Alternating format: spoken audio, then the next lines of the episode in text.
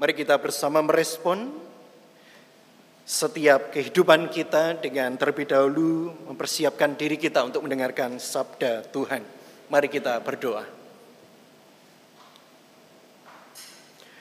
Segala puji dan sembah kami haturkan hanya kepadamu ya Tuhan. Dan di dalam waktu yang Tuhan sudah nyatakan kepada kami saat ini, ketika Tuhan boleh hadir bangkit bagi kami, dan bahkan Tuhan juga boleh naik di dalam kemuliaan-Mu, maka biarlah saat ini kami menyediakan diri kami. Kami yang adalah anak-anak-Mu yang begitu Engkau kasihi. Biarlah kami saat ini sama-sama belajar untuk kami boleh menjadi anak-anak yang Tuhan berkenan. Dan bila mana pada saat ini kami menyediakan hati dan pikiran kami, kiranya Engkau juga berkenan untuk mengisi setiap ruangan hati dan bahkan kehidupan kami itu dengan sabda kebenaran-Mu. Bekalilah kami ya Tuhan dan bahkan arahkanlah hidup kami hanya kepadamu. Amin. Bapak Ibu Saudara yang saya kasih dalam Kristus Yesus, bacaan Injil Tuhan Yesus Kristus pada hari ini kita akan bersama-sama membaca dari Lukas pasalnya yang ke-24 ayatnya yang ke-44 hingga 53. Lukas pasalnya yang ke-24 ayatnya yang ke-44 hingga 53. Saya akan membacakan bagi kita sekalian sesuai dengan Alkitab terjemahan baru versi yang kedua atau tahun 2023. Ia berkata kepada mereka, Inilah perkataanku yang telah kukatakan kepadamu ketika aku masih bersama kamu, yakni bahwa harus digenapi semua yang tertulis tentang aku dalam Taurat Musa, nabi-nabi, dan Mazmur. Lalu ia membuka pikiran mereka, sehingga mereka mengerti kitab suci Katanya kepada mereka, ada tertulis begini, Mesias harus menderita dan bangkit dari antara orang mati pada hari yang ketiga. Dan juga dalam namanya berita tentang pertobatan untuk pengampunan dosa harus diberitakan kepada segala bangsa mulai dari Yerusalem. Kamulah saksi-saksi dari semuanya ini. Lihatlah, Aku akan mengirim kepadamu apa yang dijanjikan Bapakku. Namun kamu harus tinggal di dalam kota ini sampai kamu diperlengkapi dengan kekuasaan dari tempat tinggi. Yesus membawa mereka keluar kota sampai dekat Betania. Di situ ia mengangkat tangannya dan memberkati mereka. Ketika ia sedang memberkati mereka, ia berpisah dari mereka dan terangkat ke surga. Mereka sujud menyembah dia, lalu pulang ke Yerusalem dengan sangat bersuka cita. Mereka senantiasa berada di dalam bait Allah dan memuliakan Allah. Sedemikian jauh pembacaan Injil Tuhan kita Yesus Kristus. Saudara dan saya adalah orang-orang yang berbahagia ketika kita dengan sungguh hati merenungkan firman Tuhan dan melakukannya dalam hidup sehari-hari. Haleluya.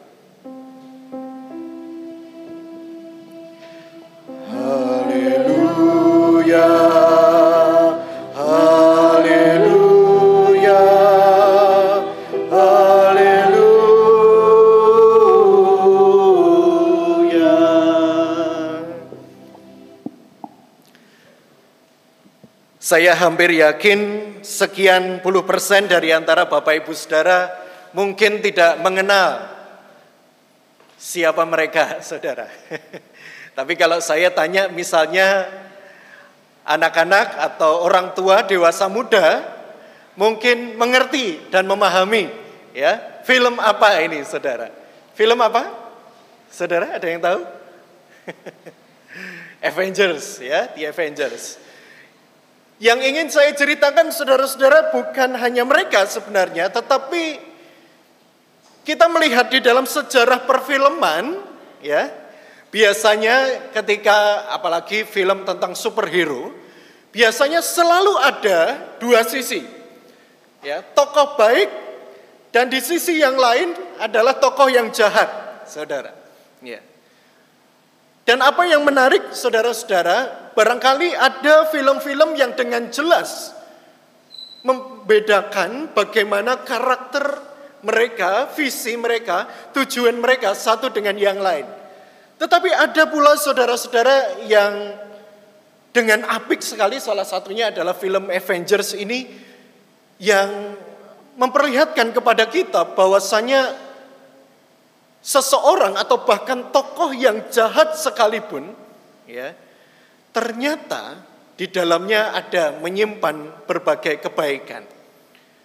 Atau paling tidak biasanya ada banyak kejahatan-kejahatan yang sebenarnya mereka lakukan tetapi itu dibalut dengan cara hidup yang sangat baik atau perkataan yang sangat baik sehingga kemudian orang yang jahat ini atau sosok yang jahat ini juga memiliki banyak pengikut, Saudara. Banyak orang yang mempercayai keberadaan atau perkataan mereka sebagai seorang tokoh yang kuat. Ya, Bapak Ibu pasti banyak menemukan di dalam film-film. Ya, ini secara menarik justru diceritakan bahwasanya ada banyak tokoh-tokoh jahat itu yang terlihat baik pada awalnya. Betul ya, Bapak Ibu. Termasuk tokoh ini, saudara. Ya, wow, betapa mulia sekali tokoh yang pertama bernama Thanos ini saudara. Ya, yang kalau Bapak Ibu Saudara mungkin melihat dagunya itu seperti ada apa garis-garisnya itu ya mirip gedok lindri saudara ya bawahnya itu saudara nah tetapi benar bahwa di dalam film salah satunya film ini saja saudara diperlihatkan kepada kita bahwa seorang tokoh jahat pun ternyata punya mimpi yang terlihat sangat baik di hadapan banyak orang, saudara. Ya, sering kali. Bahkan Thanos ini juga memiliki mimpi yang luar biasa besar.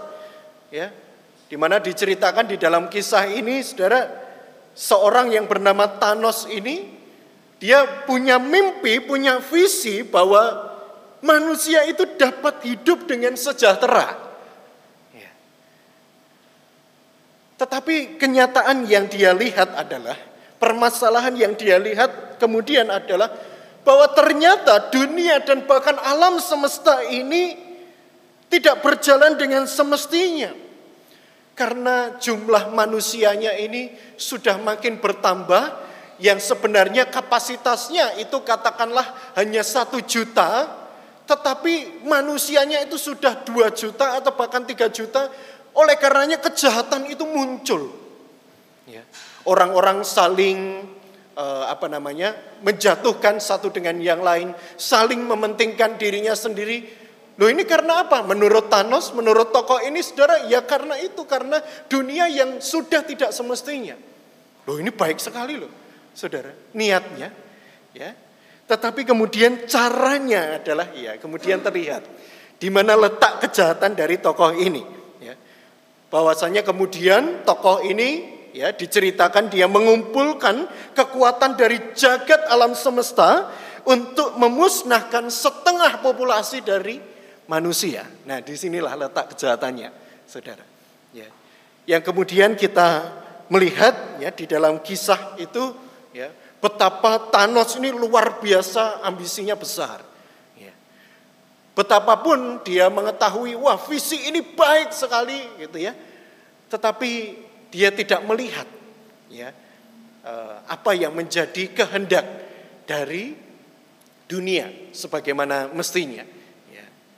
Dan kita pun juga melihat saudara-saudara, dia juga tidak peduli dengan, oh nanti kalau banyak orang berduka karena kehilangan itu, oh dia tidak peduli saudara. Yang penting fisiku itu terjadi, mimpiku itu terjadi. Ya, di tengah alam semesta ini dan dia memusnahkan Singkat cerita dia memusnahkan setengah populasi manusia pada waktu itu. Ya. Nah bukankah Bapak Ibu Saudara ini yang kerap kali terjadi di dalam hidup manusia? Ada banyak orang yang sering kali punya visi, saudara punya mimpi, punya satu tujuan yang menurut kita sebenarnya itu baik, tetapi ternyata belum tentu itu baik. baik itu untuk Tuhan maupun untuk sesama kita. Manusia sering kali merasa tahu apa yang terbaik, lalu kemudian manusia berusaha untuk menjadi penentu. Dan cilakannya apa yang tadinya disebut sebagai visi, pada akhirnya berubah menjadi ambisi. Harus terjadi. Saya tidak peduli bagaimana caranya, pokoknya visinya atau keinginan saya ini harus terjadi ya. dan terlaksana. Dia tidak peduli bagaimana perasaan orang lain dan apa yang diakibatkannya dari apa yang ditimbulkannya. Ya. Yang jelas menurut saya ini baik harus segera dilakukan. Ya. Dan bukankah hal ini yang masih terjadi di negara kita, saudara? Ini menjadi sesuatu yang harus saya ingatkan kepada kita, saudara-saudara. Kita harus sering mendoakan hal ini, saudara. Apa itu, saudara?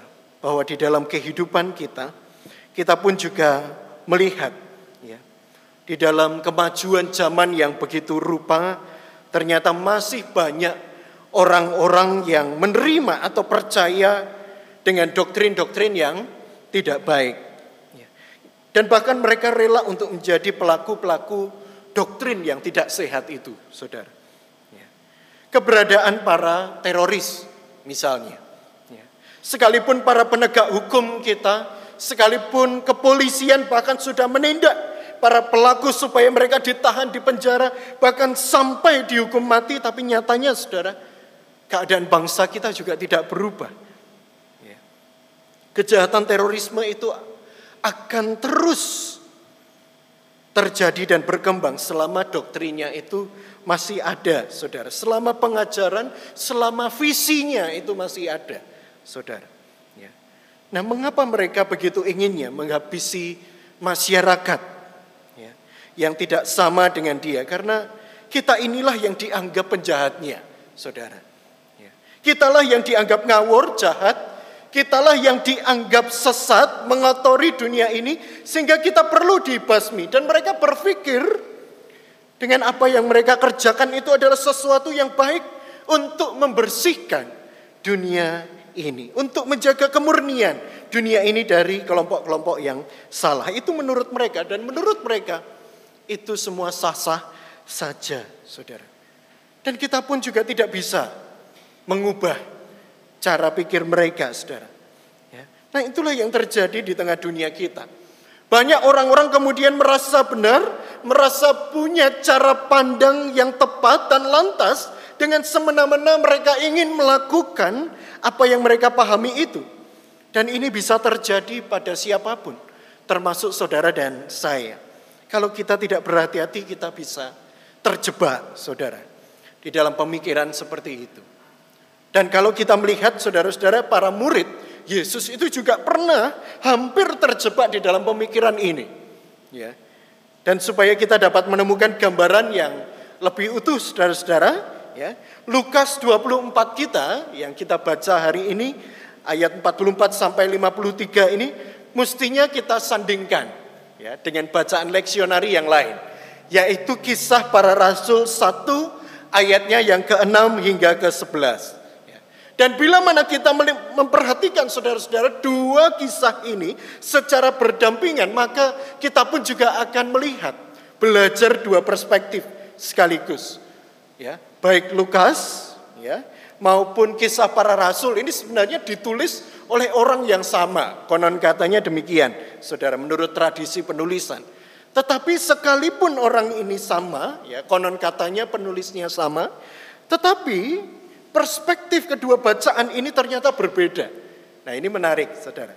Kalau Lukas 24 yang kita baca tadi menggambarkan peristiwa kenaikan Yesus ini sebagai penutup atau akhir dari rangkaian kehidupan Yesus. Ya. Sedangkan kisah para rasul 1 ayat 6 sampai 11 nanti kalau Bapak Ibu Saudara melihat di sana sebaliknya ya. Jadi mereka mengisahkan peristiwa kenaikan Yesus ini sebagai awal dari kisah perutusan para murid. Nah, kita akan melihat satu persatu saudara-saudara. Ya. Kita mari kita bersama melihat ya secara sekilas kisah para rasul uh, satu saudara-saudara. Di sana ada satu pertanyaan yang muncul, ya, yang kita lihat bisa ditutup gambarnya, yang kita lihat di dalam tema kita hari ini, saudara. Ada satu pertanyaan yang muncul, ya, dari para murid kepada Yesus.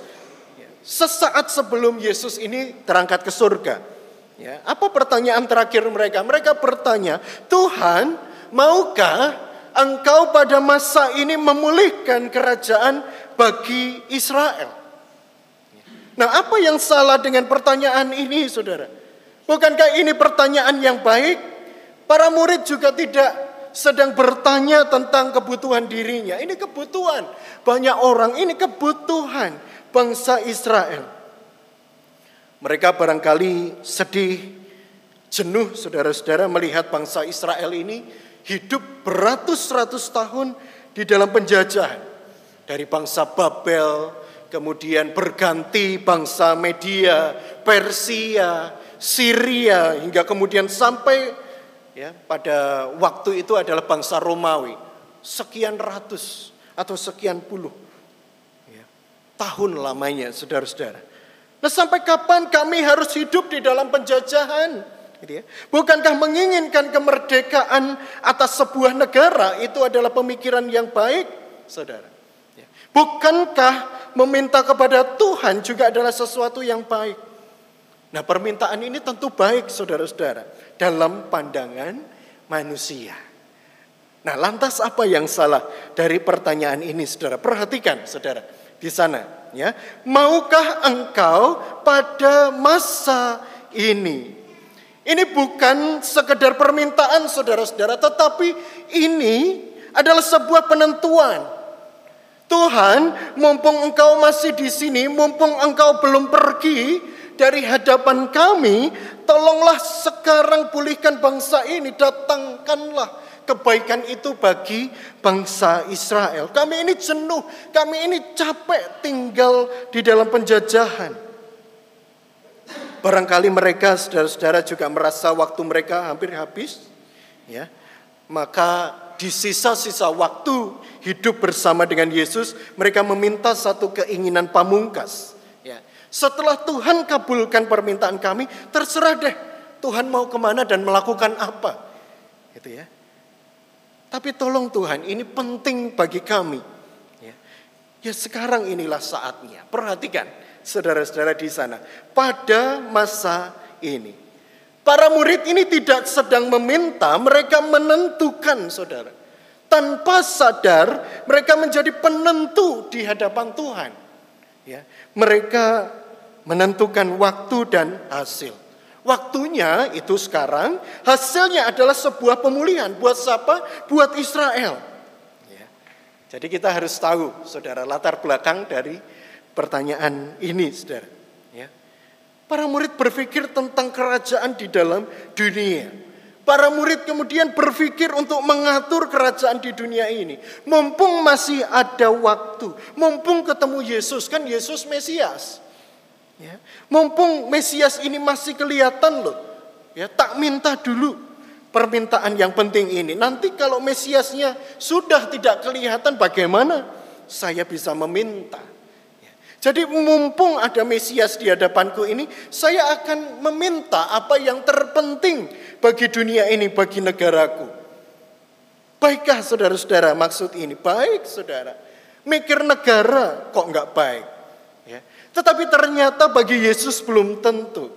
Karena Yesus merespon di ayatnya yang ketujuh, saudara. Engkau tidak perlu mengetahui masa dan waktu yang ditetapkan Bapa sendiri menurut kuasanya. Tetapi kamu akan menerima kuasa kalau roh kudus turun ke atas kamu dan kamu akan menjadi saksiku di Yerusalem. Jadi Yesus ini ingin mengingatkan kembali bahwa yang terpenting saat ini bukan lagi kehadiran fisikku, ya, bahkan pengajaranku ini waktunya perutusanku kepadamu. Jadi ketika Yesus naik ke surga, saudara-saudara, hal yang diingatkan adalah sebenarnya tugas perutusan itu kepada para murid. Ya. Dan para murid ini sebenarnya sudah diajari berulang kali oleh Yesus. Tetapi agaknya mereka ini masih tetap tersamarkan. Ya. Kalau saudara-saudara membaca kisah para rasul satu ayatnya yang ketiga di sana dikatakan. Sebab selama 40 hari ia berulang-ulang menampakkan diri dan berbicara kepada mereka tentang kerajaan Allah. Bukan satu dua hari saudara.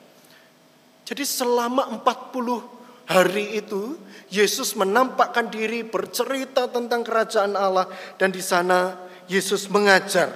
Ya.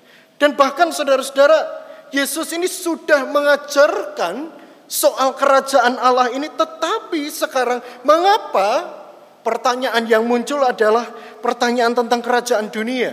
Saudara. Injil 24, saudara Injil Lukas tadi pasal 24 yang kita baca mengatakan bahwa Yesus juga telah menjelaskan panjang lebar tentang kitab suci. Ya. Lalu keterangannya di sana dikatakan kitab Taurat, kitab Mazmur, kitab para nabi semua dijelaskan. Lalu ia membuka pikiran mereka ya. dan mereka mengerti kitab suci. Loh, nah ini sudah mengerti ya, kitab suci diajari tentang kerajaan Allah, tetapi mengapa saudara-saudara mereka bertanya tentang kerajaan dunia? Mengapa mereka ini kok tidak bertanya, Tuhan kalau engkau mengutus kami jadi saksi, lalu bagaimana caranya supaya kami bisa menjadi saksi yang baik? Ya. Ajarilah kami cara untuk memperkenalkanmu dan memberitakan kerajaan Allah itu kepada dunia. Misalnya demikian kok enggak demikian saudara? Tetapi malah pertanyaannya adalah maukah engkau memulihkan Israel? Ya. Nah Bapak Ibu Saudara yang saya kasih dalam Kristus Yesus kalau kita hanya berpikir apa yang baik menurut kita dan bukan baik menurut Tuhan Yesus, bukan apa yang dikehendaki oleh Allah, Ketika kita hanya berpikir melulu soal dunia ini, saudara, maka itu akan memunculkan manusia-manusia yang jahat.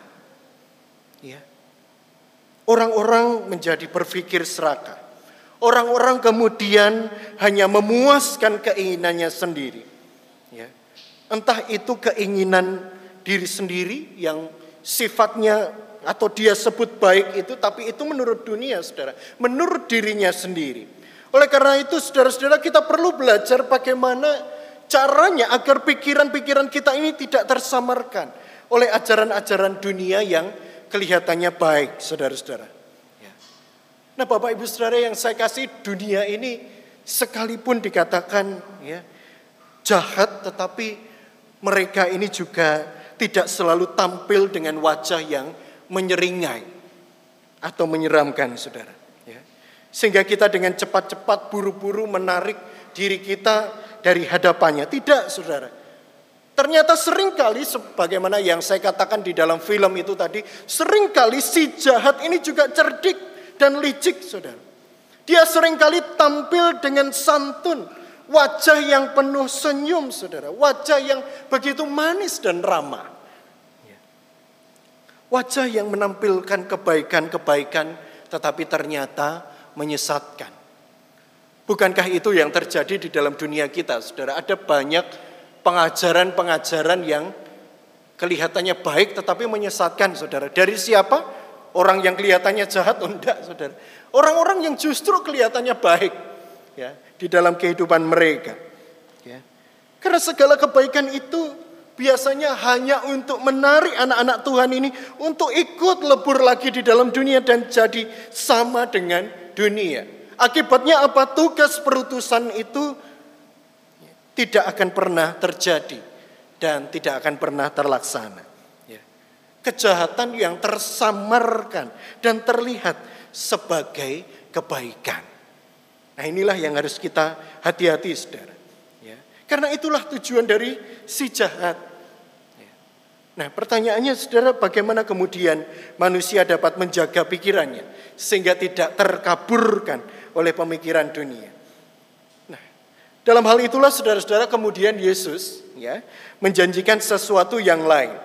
Di dalam bacaan kita ayat yang ke-49 dikatakan ya, dan aku akan mengirim kepadamu apa yang dijanjikan oleh Bapakku Tetapi kamu harus tinggal di dalam kota ini sampai kamu diperlengkapi dengan kekuasaan dari tempat tinggi. Pengajaran sudah diberikan, iman dan kasih juga sudah diperdengarkan, diperkenalkan oleh Yesus kepada manusia, tetapi ada sesuatu yang lain yang perlu diberikan supaya iman mereka menjadi semakin utuh, sempurna. Apa itu saudara? Roh dan hikmat. Oleh karenanya Rasul Paulus misalnya di dalam Eh, bacaan leksionari kita yang lain sekalipun kita tidak membaca hari ini Bapak Ibu bisa melihat di dalam Efesus pasalnya yang pertama ayatnya yang ke-15 hingga 23 Paulus mendoakan hal ini Saudara. Apa isi doanya di dalam Efesus 1 ayat 16 17 Saudara Paulus mengatakan dan aku selalu mengingat kamu di dalam doaku dan meminta kepada Allah Tuhan kita Yesus Kristus yaitu Bapa yang mulia itu supaya ia memberikan kepadamu roh, hikmat dan wahyu untuk mengenal dia dengan benar. Ya. Ini yang Paulus minta kepada Bapa, Saudara. Nah, Bapak Ibu Saudara, semua gereja itu mengenal Tuhan Yesus. Semua aliran kekristenan itu juga banyak yang mengenal Yesus. Tetapi pertanyaannya mengapa kerap kali kita juga menemukan ada banyak pendeta bahkan dan juga jemaat yang menyimpang dan bahkan tersesat, Saudara. Mengapa ada banyak gereja yang mengajarkan hal-hal yang keliru di tengah dunia ini, Saudara? Ya. Bukankah kita sama-sama mengenal Yesus, Saudara? Semua dari antara kita mengenal Yesus. Tetapi ini, Saudara, yang ingin saya katakan, tidak semua dari antara kita, tidak semua dari antara gereja-gereja, dan bahkan kita sekalian mengenal Yesus dengan benar. Bapak Ibu Saudara kenal dengan suami atau istri saudara atau anak-anak saudara? Ya. Kenal. Tapi mengapa kadangkala kita sebagai keluarga ribut saudara? Bisa jadi salah satunya adalah karena pengenalan kita yang tidak terlalu mendalam. Atau mungkin malah kita salah kenal, saudara. Ya. Kita tahu Kristus, tetapi Kristus macam apa, saudara? Kita tahu Yesus adalah Mesias, tapi kita sendiri tidak mengerti Mesias macam apa Yesus itu. Ya. Kita tidak mengerti nasihatnya. Kita tidak mengerti bagaimana pengajarannya, bagaimana kehendaknya. Sehingga kita tidak melakukan apa yang dia perintahkan.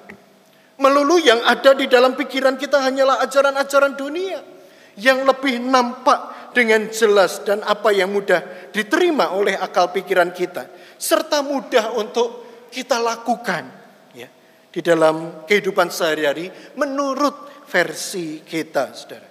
Kehidupan kita tidak menampilkan apa yang Yesus ajarkan tetapi apa yang barangkali kita kenal mungkin seperti tradisi-tradisi seperti nilai-nilai warisan orang lain yang belum tentu itu benar, saudara, di dalam hidup ini. Jadi alangkah baiknya supaya kita dengan serius meminta roh hikmat, saudara. Supaya pengenalan kita akan Kristus tidak salah dan dengan segera kita kemudian meminta roh hikmat. ya Untuk menjadi murid yang benar dan setia. Lah kalau kita sendiri tidak mengerti saudara-saudara, lalu apa yang bisa kita kerjakan? Kalau kita tidak mengerti firman Tuhan, apa yang kita persaksikan kemudian? Dan apa yang kita persaksikan kalau kita tidak mengerti benar siapa yang kita persaksikan? Mau cerita tentang Yesus tetapi Yesus yang seperti apa saudara? Ya. Lalu ceritanya kemudian asal-asalan. Ya. Ceritanya ngawur, ditambah-tambahi supaya kelihatan hebat padahal salah, saudara-saudara. Ya, ada banyak dari antara kita yang mengalami hal itu. Ya. Dan lebih daripada itu, saudara, kalau kita membaca Efesus ayat yang selanjutnya, ayat yang ke-18, dan supaya ia menjadikan mata hatimu terang, agar kamu mengerti pengharapan, apakah yang terkandung dalam panggilannya, betapa kayanya kemuliaan bagian yang ditentukannya bagi orang-orang kudus. Dan betapa hebat kuasanya bagi kita yang percaya sesuai dengan kekuatan kuasanya. Tadi roh dan hikmat, saudara. Sekarang Paulus meminta supaya mata hati kita menjadi terang. Kalau mata hati kita gelap, saudara, maka kita hanya akan melihat dengan mata jasmani. Dan masalahnya mata jasmani itu terbatas, saudara. Mata jasmani itu kerap kali dikaburkan, ya, atau bahkan hanya melihat hal-hal yang sifatnya gemerlap, hal-hal yang menyenangkan untuk sesaat. Dan bagaimana kita bisa menjalani kehidupan kalau kita memiliki mata hati yang gelap itu, saudara-saudara. Wong tidak kelihatan kok. Gitu ya. Itulah sebabnya Rasul Paulus mendoakan jemaat supaya mereka memiliki mata hati yang terang. Jadi bukan sekedar supaya mereka ini menjadi jemaat yang percaya kepada Kristus. Bukan hanya mereka supaya hidup setia di dalam peribadahan dan membaca firman-Nya. Tetapi mengerti dengan jelas apa panggilan mereka di dalam Kristus. Apa yang dicurahkan, apa yang dianugerahkan ketika kita percaya kepada Kristus. Apa yang Tuhan sediakan dan bahkan kerjakan di dalam hidup anak-anak Tuhan ketika saudara dan saya itu beriman. Ya. Yaitu apa saudara-saudara? Nah ini yang perlu kita pahami bersama. Yaitu betapa kayanya kemuliaan bagian yang ditentukannya bagi orang-orang kudus. Kita dianugerahkan kemuliaan. Kita bukan lagi orang yang berdosa. Kita bukan lagi orang yang dengan mudah melakukan segala sesuatu yang salah di mata Tuhan. Kita mulia, saudara, dan dimampukan untuk tampil dengan segala kebaikan yang ada. Kalau ada pujian yang mengatakan mulia, mulia namanya. Bagian itu juga dianugerahkan kepada kita, saudara. Kemuliaan itu juga diberikan kepada kita. Maka kita pun saudara-saudara seharusnya tampil sebagai orang-orang yang mulia. Kalau kita sendiri tidak tampil saudara-saudara dengan cara yang demikian, ya, maka kita pun menjadi orang-orang yang sembrono di dalam hidup ini. Cuek, hidup dengan sembarangan. Ya, ya apa yang bisa saya lakukan, saya lakukan. Yang nggak bisa saya lakukan, ya nggak usah saya lakukan. Itu saudara. Sayang sekali, saudara. Dan betapa hebat kuasanya bagi kita, bagi saudara dan saya yang percaya. Ya, di sana dikatakan demikian. Ketika kuasa itu telah diberikan maka janji itu terus dinyatakan dengan ya dan amin di dalam kehidupan kita. Jangan gentar saudara. Kalaupun hidup ini menyesakkan dan menakutkan, berdoalah Tuhan jadilah kuasamu di dalam kehidupan kami. Jangan jemu-jemu untuk berdoa demikian, saudara. Ya. Nah, pemahaman seperti itulah yang mesti dimiliki saudara-saudara oleh orang-orang yang mau diutus sebagai saksi Kristus, saudara. Jadi mengenal Kristus dengan benar dan mengerti panggilan apa yang terkandung di dalam Kristus. Oleh karena itu saudara-saudara ketika Yesus naik ke surga, para murid ini kemudian bengong, terpesona melihat Yesus. Malaikat ini dengan segera berkata kepada mereka, mengapa engkau terus memandang langit? Ya. Melihat Yesus yang makin naik, makin naik itu memang menyenangkan saudara. Peristiwa yang ajaib. Melihat Yesus dengan kasihnya, saudara-saudara bahkan di dalam musisat-musisat yang spektakuler itu memang menyenangkan. Tetapi tugas kita bukanlah hanya memandang, melainkan pergi, saudara. Para murid saudara-saudara ini tugasnya bukan hanya melihat Yesus naik ke surga tetapi pulang ke Yerusalem. Tunggu turunnya roh kudus itu. Ya, berdoalah, pelajarilah lagi firman itu siang dan malam sehingga pada waktunya engkau akan siap ya, memberitakan kabar baik itu ke seluruh dunia. Dan tugas itu juga sama diberikan kepada saudara dan saya. Ya.